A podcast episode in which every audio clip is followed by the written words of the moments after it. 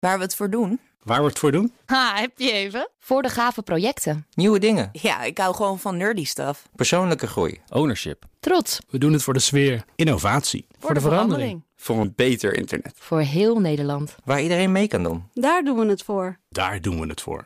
Waar doe jij het voor? Kom werken voor KPN en groei op jouw manier. Check de actuele vacatures op het gebied van data, security, development en networking op jobs.kpn.com/tech. Wetenschap vandaag. Sommige patiënten die worden opgenomen in het ziekenhuis raken hierdoor ernstig in de war. Zo erg zelfs dat het is terug te zien in de hersenen. Maar hoe lang houdt dat effect aan? Daar is onderzoek naar gedaan en dat bespreken we met natuurlijk onze wetenschapsredacteur Carlijn Meinders. Hey Carlijn. Hoi. Ja, dat is dus iets wat vaak voorkomt. Er zijn groepen patiënten waarbij het meer voorkomt. Uh, vooral oudere mensen hebben er kans op. Mensen die al kwetsbaar zijn, bijvoorbeeld door eerdere complicaties. Maar ook één op de drie patiënten die opgenomen wordt met COVID krijgt hier bijvoorbeeld last van. Dat is ontzettend veel. Het heeft ook een naam, deze plotselinge verwardheid, namelijk een delier. Ja. Psychiater Edwin van Delle van het UMC Utrecht vertelt wat er in zo'n geval met iemand kan gebeuren. Mensen raken een beetje hun gevoel voor dag en nacht kwijt, gaan slechter slapen en zijn dan overdag uh, slaperig, vallen bijvoorbeeld tijdens een gesprek in slaap of kunnen hun aandacht er niet goed bij houden. Um, je merkt dan halverwege in het gesprek dat ze eigenlijk zijn afgedwaald. En dat is eigenlijk wat we een, uh, een delier noemen. Dat je, doordat er iets gebeurt, zoals een ziekenhuisopname, als je al kwetsbaar bent, dat dat uh, uitlokt dat je in de war raakt. En uh, dat, dat zie je terug in hoe je je aandacht erbij kan houden, hoe je, uh, hoe je bewustzijn is, maar ook dingen kunnen optreden als dat mensen opeens spinnetjes door de kamer zien lopen. Ja, dus ook echte waanbeelden horen daarbij. Ja, hij vertelde dat mensen ook wel eens denken dat er dan een familielid langs is geweest en diegene heeft dan iets verteld, terwijl er helemaal niemand op bezoek is geweest.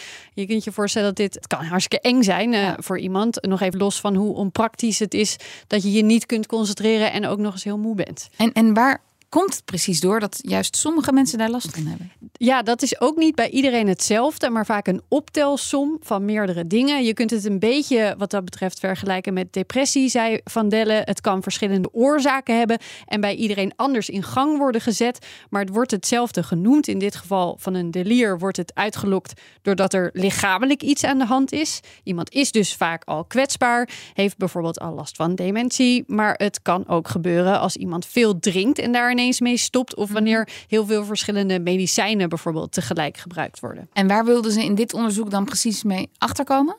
Het liefst zou je natuurlijk willen voorspellen. Deze patiënt heeft zoveel kans om ja. dit te krijgen. Uh, zodat je er meteen rekening mee kunt houden. Zover is het nog niet. In dit onderzoek hebben ze wel naar een belangrijk stukje van de puzzel gekeken. Ze hebben met fMRI naar de hersenen gekeken van 246 oudere patiënten. Voordat ze een geplande operatie ondergingen een grote operatie en drie maanden erna.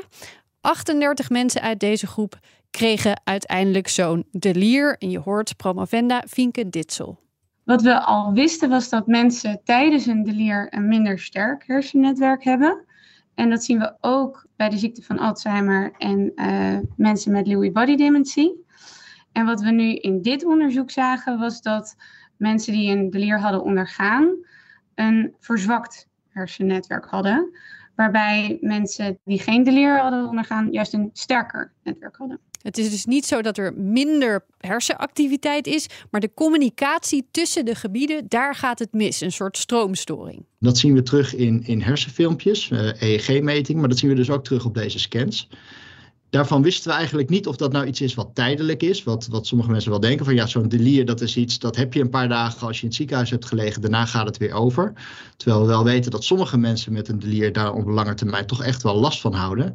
Maar het was eigenlijk niet duidelijk, is dat nou iets wat je in de hersenen nog terug blijft zien of wat eigenlijk in de hersenen ook weer zich herstelt. En dat is denk ik wel uh, wat, wat we nu voor het eerst echt hebben gevonden. Dat je op de lange termijn terugziet dat het doormaken van zo'n delier ook drie maanden later nog uh, zijn sporen nalaat in hoe de hersenen werken. En dan met name dat die informatieuitwisseling nog steeds eigenlijk verstoord is. En wat we ook zagen was dat mensen met een verzakt hersennetwerk um, na drie maanden slechter scoorden op een uh, neuropsychologische test die we deden.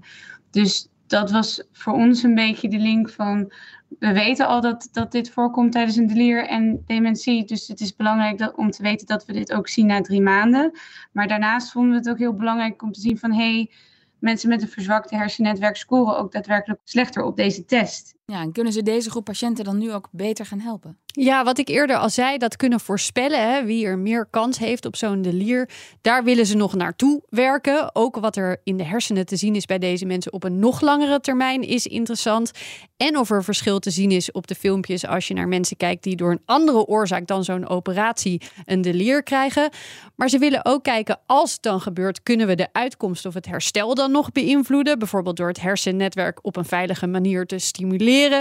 En dan is er nog die link met dementie. Uh, zou dit misschien een extra seintje kunnen zijn dat iemand hier meer kans op heeft? Dan zou dat natuurlijk heel belangrijk zijn om dat goed in de gaten te houden bij iedereen. Dankjewel, Carlijn. Ook Thomas van Zeil vind je in de BNR-app. Je kunt live naar mij luisteren in Zaken doen. De BNR-app met breaking news, het laatste zakelijke nieuws... en je vindt er alle BNR-podcasts, bijvoorbeeld Het Nieuwe Geld. Download nu de gratis BNR-app en blijf scherp.